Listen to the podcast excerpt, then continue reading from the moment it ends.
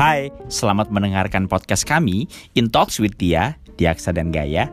Hope you enjoy.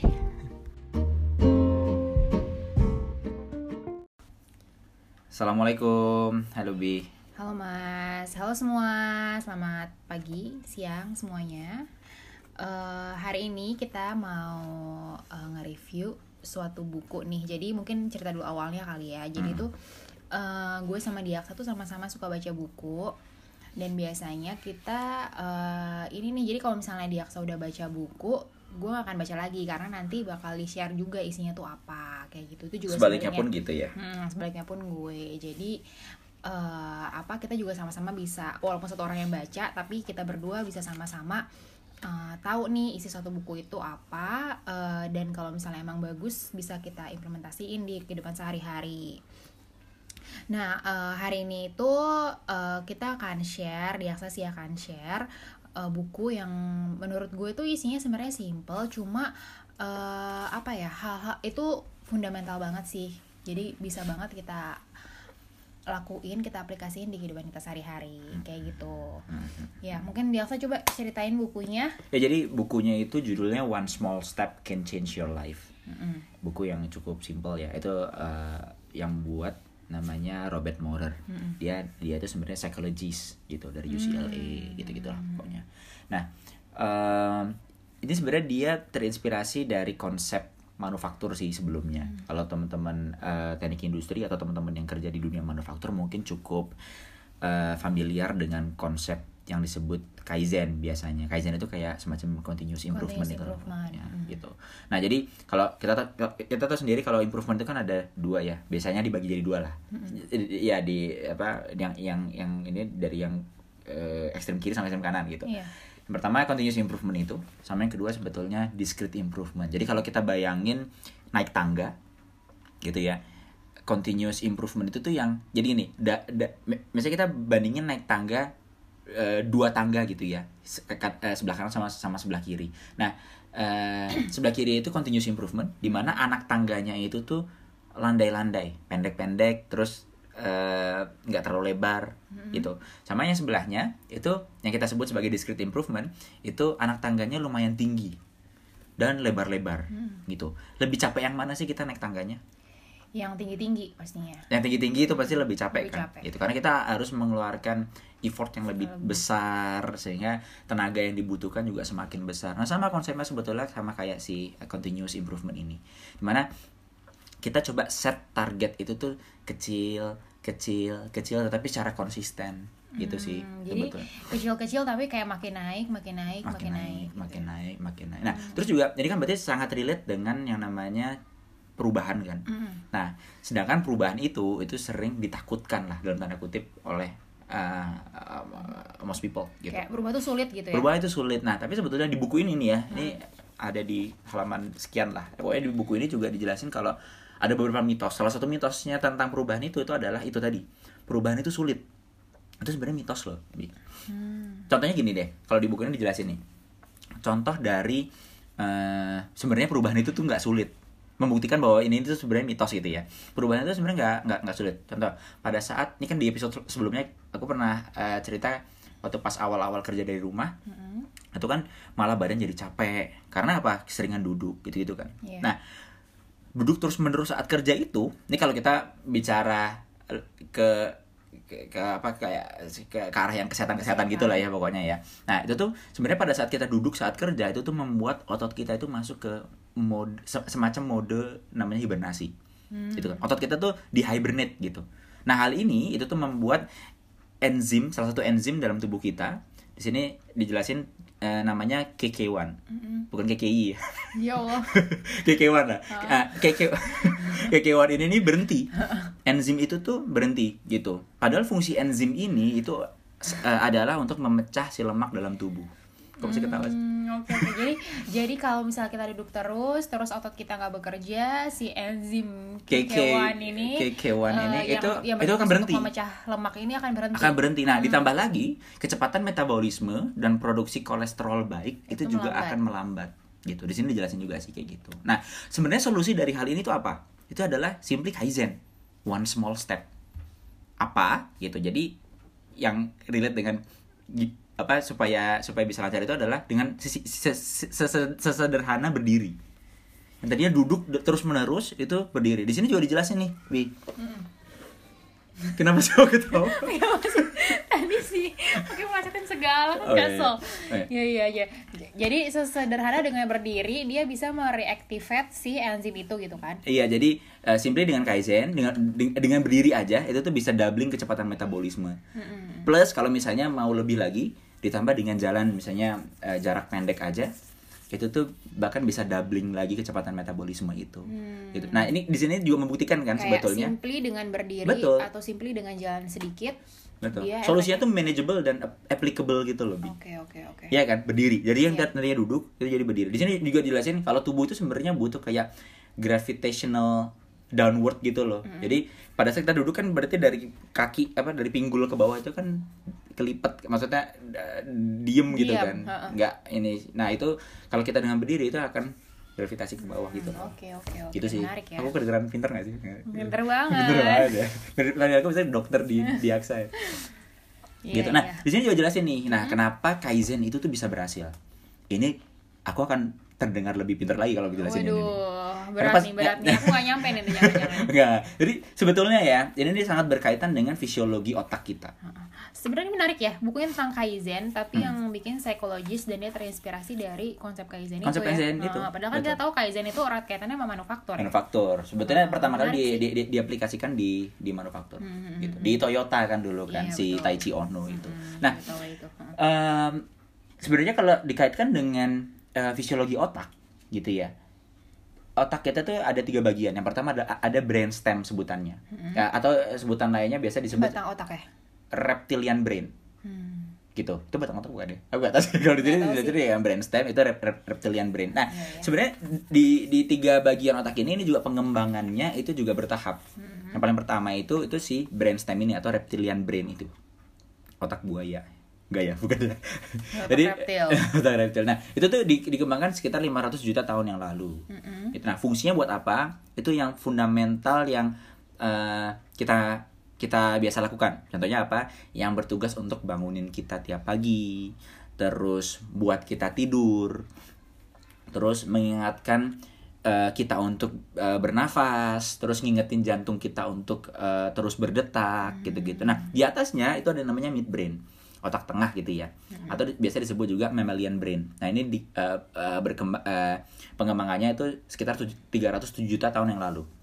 Fungsinya untuk apa? Fungsinya untuk mengatur suhu tubuh, emosi, terus fight or flight response. Nah, Oh, di dari atasnya, situ ya. Nah, di atasnya itu ada cortex. Cortex itu yang membungkus otak kita secara keseluruhan gitu. Nah, itu berkembang sekitar 100 juta tahun yang lalu. Nah, bagian ini nih si cortex ini itu yang membedakan kita dengan eh membedakan manusia menjadi manusia. Eh, yang membuat manusia menjadi manusia dan membedakan manusia itu Dengan makhluk hidup dengan lainnya. makhluk hidup yang uh, lainnya. Apa sih yang bedanya kita uh, dengan makhluk hidup lainnya? Kita punya akal, rational thinking, gitu. Kita butuh bersosialisasi, walaupun ada beberapa mungkin um, uh, hewan yang butuh juga atau bersosialisasi gitu kan. Tapi ini yang yang cukup membedakan uh, kita dengan makhluk hidup yang lain, gitu. Nah, tapi sayangnya tiga bagian otak ini nih nggak selalu bekerja smoothly, gitu. Pernah kan kayak misalnya kita udah niat untuk uh, nurunin berat badan nih Mm-mm. udah niat wah pokoknya minggu depan gua gak akan makan banyak gua akan nurunin batasin makan dan lain-lain tapi begitu minggu depan dar ada potato chip ada pizza ada orang rumah yang bawa pizza gimana coba tuh Goyah. dong. goyah tuh bisa jadi kan nggak nggak kuasa untuk mau ngunyah gitu Heeh. karena ya udah makan jadi buyar semuanya nah itu apa yang tadinya punya fungsi masing-masing itu bisa eh, disfungsi gitu Hmm, jadi di- mereka bisa kayak berkonflik satu sama lain Betul, gitu ya? itu bisa gitu. Ceritanya sih gitu ya kalau di buku Iya, ini iya, ya iya, gitu. iya, iya. Nah, tadi ingat kan yang uh, midbrain tadi itu tuh otak Hmm. tengah mammalian brain itu tuh itu ada satu bagian di di midbrain itu itu uh, yang bertugas untuk memerintahkan fight or flight response namanya amigdala. Hmm. Amigdala nih. Nah, amigdala ini nih sebetulnya penting banget buat keselamatan kita sebetulnya. Hmm. Karena karena dia itu bertugas untuk apa? Untuk ngasih peringatan ke tubuh kita saat menghadapi bahaya. Hmm. Gitu. Nah, di ba- bayangin. Jadi kalau eh, simpelnya kalau kita balik ke beberapa juta tahun lalu eh, manusia purba gitu ya. Iya. Pada saat zaman zaman zaman manusia purba dulu itu bagian otak ini yang paling diutilize, paling berguna banget. Karena apa? Karena kita kan sharing kehidupan dengan binatang buas gitu kan, kayak harimau purba. dan- Nah ini ketemu pas pas mereka ketemu sama harimau purba, mereka kar- karena memang si korteks juga masih belum eh, berkembang pada saat itu, tapi mereka langsung fight or flight response nih. Mereka lari atau lawan, lari berarti gitu, karena karena ngeliat harimau purba ini gitu. Nah sayangnya untuk bisa si amigdala ini bekerja sempurna, dia itu harus menutup akses ke korteks. Nih kalau zaman sekarang nih ya, Mm-mm. itu tuh harus nutup akses kita itu tuh ke korteks untuk amigdala eh, bisa berfungsi dengan baik. Oh, Jadi sebenarnya gini, jadi tanpa berpikir rasional gitu ya. betul. Jadi Nah, gini si korteks itu untuk berpikir rasional gitu kan. Betul. Nah, kalau kita coba tarik ke sini ya, yang yang kasus yang harimau purba tadi. Sekarang apa masih ada tuh harimau purba atau enggak ada singa dibiarin di jalan Hmm, gitu? Nggak ada. Nggak ada di kan? Afrika. Udah di Afrika ya, udah pernah ke Afrika. Belum sih. Nah, itu em, siapa sih sekarang sekarang itu tuh bahaya itu tuh masih ada tapi yang yang dianggap bahaya oleh tubuh kita itu masih ada tetapi dalam bentuk lain. Apa? Contohnya challenge baru misalnya. Hmm, iya, Ketemu iya, iya, orang iya. baru. Mm-mm. Dapat eh, posisi baru di pekerjaan. Ya kan? Iya, kita iya. disuruh eh, di- di- ditantang untuk bicara di depan umum secara mendadak gitu. Berarti pertama yang bereaksi kalau misalnya dihadapkan itu amigdala kita gitu kan. amigdala kita ini juga relate sama yang tadi di, di- di- disampaikan jadi amigdala itu akan mengkoordinasikan bagian tubuh lain untuk me- untuk bereaksi gitu. Contohnya kayak misalnya ada anak SMA nih gitu ya. Ada SMA di kelas terus gurunya lagi ngejelasin apa terus tiba-tiba eh eh, Tono maju ke depan jelasin apa yang dipelajari. Reaksi Tono pada saat itu pada saat itu apa coba biasanya? Atau bi- biar deh biar deh. Iya biar Jangan aku nggak kenal lama Tono ya. Iya. Ya, tapi Ya, ya, misalnya biar seseorang itu terus seseorang ini itu tuh pasti akan pasti dia akan ini ya. akan bereaksinya tuh pasti akan kayak contohnya nafasnya akan jadi pendek Heeh, ya kan benar-benar. terus Tegang dan lain-lain ya. tegang keringetan jantung berdetak lebih cen- ce- eh, cepat Mm-mm. gitu kan Mm-mm. bibir pecah-pecah dari otot Iya, iya, iya. nah itu nah itu yang yang apa ya yang memberikan alert itu siapa itu adalah si amigdala, amigdala. gitu make sense dong ya kan kalau misalnya kita contohnya nih kita ketemu si singa di jalan nih Heeh. kalau kita pakai Korteks duluan. Korteks duluan. Kelamaan keburu dimakan. kelamaan kan. keburu dimakan Iya iya, makanya itu amigdala duluan yang. makanya amigdala dulu nah itu kan sebe- sebetulnya apa eh, jadi lebih eh, menggambarkan bahwa si amigdala ini penting untuk keselamatan kita Hmm. gitu nah sekarang pertanyaannya gimana caranya supaya eh gini sedangkan kita itu tuh masih butuh untuk berpikir secara rasional pada saat dihadapkan dengan bahaya atau challenge baru dan lain-lain nah sekarang pertanyaannya gimana caranya supaya si eh, supaya kita tetap bisa berpikir secara rasional pada saat dihadapkan dengan hal-hal seperti itu? Berarti gimana caranya supaya saat ada masalah atau misalnya ada challenge baru kita eh, bisa langsung berpikir secara rasional, nggak semerta-merta kita langsung bereaksi Bereaksi, fight or flight, fight or flight berarti itu. caranya adalah si amigdalanya itu harus di- dibiarkan, dibiarkan untuk, istirahat. jangan aktif jangan bangunin si amigdala itu Iya ya, biar si korteksnya bi- bisa bekerja gitu ya. betul nah sekarang ini berarti tadi kan semakin besar bahayanya amigdala akan semakin bangun gimana cara supaya nggak bangun berarti targetnya Mm-mm. Tujuannya challenge-nya kita rekayasa supaya tidak jadi yang eh, kita anggap sebagai sesuatu yang besar kecilkan challenge itu kecilkan target itu gitu Hmm, oke, one small step can change your life. Di sini diceritain nih, jadi contohnya kayak ada i- seorang ibu namanya Julie. Mm-mm. Eh, dia itu eh, single mom, punya anak.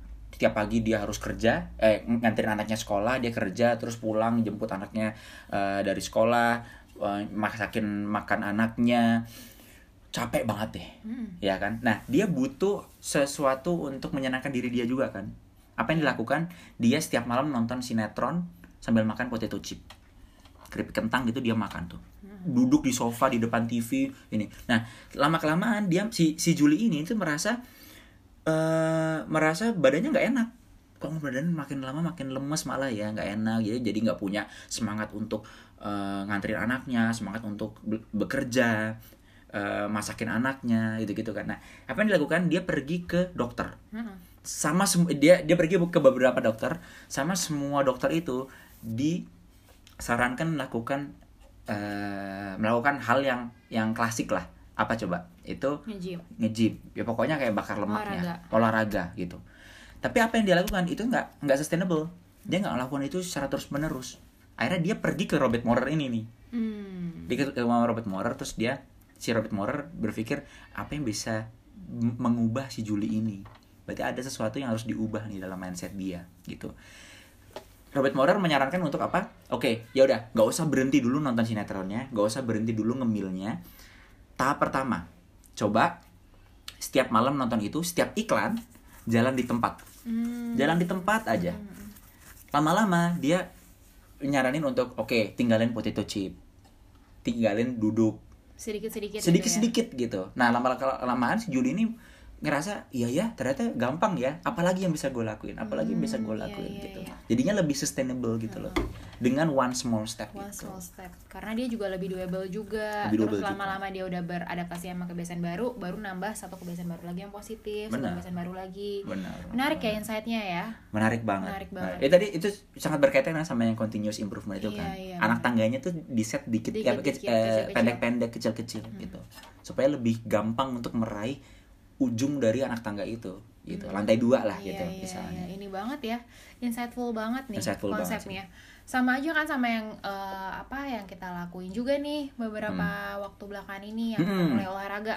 Ya, Ya kan, itu kalau kayak yang aku ceritain tuh waktu itu, aku Hmm. kan sama sekali nggak pernah olahraga tadinya. Aku nggak waktu itu kalau misalnya sebelum-sebelumnya kan aku udah juga pernah cerita, aku yang langsung nge-gym pernah tuh ya kan, aku Hmm. langsung nge-gym, terus habis itu langsung diet nggak makan garam, diet nggak makan nasi. Akhirnya emang sempet bertahan, tapi habis itu udah nggak lagi gitu, cuma Hmm. cuma eh, di waktu yang ini doang apa, cuma sebentar doang gitu. Hmm. Nah, kalau yang kemarin kita lakuin itu kan aku pelan-pelan juga tuh. Jadi Hmm. misalnya dari work dari workout sekali sehari setiap bangun tidur, Hmm. mulai terbiasa abis itu baru aku tambah lari. Ya. Mulai terbiasa baru tambah lari sore, mulai Iya, terbiasa baru mau apa makan paginya diganti yang sehat. iya, iya. Small iya. step gitu, Small cuma step. sustain. Betul. Bener sih, bener bener bener aku. Aku aku juga loh kalau eh, kalau yang aku coba beberapa eh, waktu yang lalu tuh yang lari itu loh. Mm-mm. Biasanya kalau lari kan dulu kan aku ada ada jalannya kan. Iya. ada jalan cepetnya, jalan lambatnya even juga banyak juga gitu. Nah tapi pengen nyoba waktu itu dari mulai lari yang lumayan jauh, lumayan lama gitu. Jadi eh jadi dekat rumah kan ada kayak semacam danau kecil gitu kan. Iya, iya. Kita coba muterin, aku coba muterin itu pertama kali mau nyoba itu muterin itu tuh empat kali putaran dulu. Mm-mm. Tapi aku coba lakuin itu seminggu. Jadi setiap hari dalam seminggu gitu. Iya. Nah di minggu depannya aku naikin jadi lima putaran Hmm. dalam seminggu tuh Mm-mm. bisa kelaku kelakon gitu minggu depannya lagi aku tambah lagi jadi enam putaran minggu depannya lagi jadi tujuh putaran lama-lama mungkin nanti nggak kerasa tiba-tiba Udah udah bisa 10 putaran atau lebih dari iya, itu iya. even gitu sih bener-bener ini ya small step tapi bisa change our life gitu ya Betul. bener-bener kebiasaan Betul. yang sedikit-sedikit maksudnya nggak usah muluk tapi Mm-mm. satu langkah kecil aja itu bisa membuat membuat uh, perubahan gitu Iya. ya Nah kalau kalau kalau contohnya di di dunia manufaktur ya, atau dunia ya apa perusahaan gitulah, ini juga penting untuk dibudayakan. Hmm. Dan semua perangkat eh, perusahaan eh, dari yang level paling atas sampai level paling bawah itu juga harus komit untuk mau membudayakan ini. Karena karena karena ini akan eh, apa eh, manfaatnya akan dirasakan oleh mereka sendiri. iya iya iya Ya dulu tuh waktu pas eh, apa eh, belajar ini coba benchmark ngelihat satu perusahaan di di YouTube sih. Jadi ada satu perusahaan yang dia tuh semuanya ngelaku, harus ngelakuin eh, kaizen. Jadi apa ide-ide kecil mereka lah untuk untuk bisa eh, membuat hidup mereka tuh lebih gampang. Pekerjaan mereka tuh lebih gampang. Itu semua karyawannya ngelakuin itu dan divideoin sama si CEO-nya sendiri. Hmm, CEO-nya setiap ya. setiap bulan, setiap bulan atau setiap tahun ya. Dia muter ke ke itu itu itu Perusahaannya. itu itu kayak semacam apa sih kayak garasi gede gitu. Heeh. Itu dia muter videoin satu-satu ide-idenya, yang- small step yang dilakukan oleh karyawan-karyawannya. Hmm, bagus semua banget level ya. lagu nama itu. Bagus banget bagus banget. Kalau itu bisa dilakukan oleh semua perangkat gitu ya. Nggak hanya mungkin perusahaan ya tapi bisa keluarga deh. Kita kan sebenarnya kayak semacam organisasi kan Iya, kalau iya, olahraga iya. itu. Kita coba dulu sempet apply ini ke ke anak-anak juga kan sebetulnya kan. Benar-benar. zaman dulu itu loh. Jadi apa eh, kegiatan kecil. Misalnya kita re- eh, membuat regulasi aturan nih di keluarga anak-anak nggak boleh ini anak-anak nggak boleh ini tapi kita coba kurangi itu dikit-dikit Benar-benar. gitu dan itu ya relatif berhasil ya Hmm, untuk ini ya Benar-benar. Itu juga bisa tuh kita pakai misalnya buat ngajarin habit ke anak-anak juga ya, habit-habit bagus. Maksudnya kita kalau misalnya ngajarin ke Mas Bima gitu ke toddler, kalau misalnya abis bangun tidur ber- beresin tempat tidur, itu mungkin buat anak kecil tuh too much. Hmm. Coba aja eh, apa kita set kayak eh, sesimpel misalnya bangun tidur bantalnya ditaruh di samping eh di Ah. di depan itu kan maksudnya Iya di benar benar. samping Soalnya kan biasanya kalau kalau gitu. kalau kalau kita minta beresin tempat tidur itu dia pasti akan berpikir oh berarti harus benerin spraynya Iya. apa ngumpulin lagi bantalnya gulingnya ngelipetin selimut itu kan Hmm. mungkin too much buat dia ya Iya, tapi ini sesimpel ya udah benerin bantal dulu besoknya sama gulingnya iya benar besoknya spray juga gitu-gitu ya Hmm.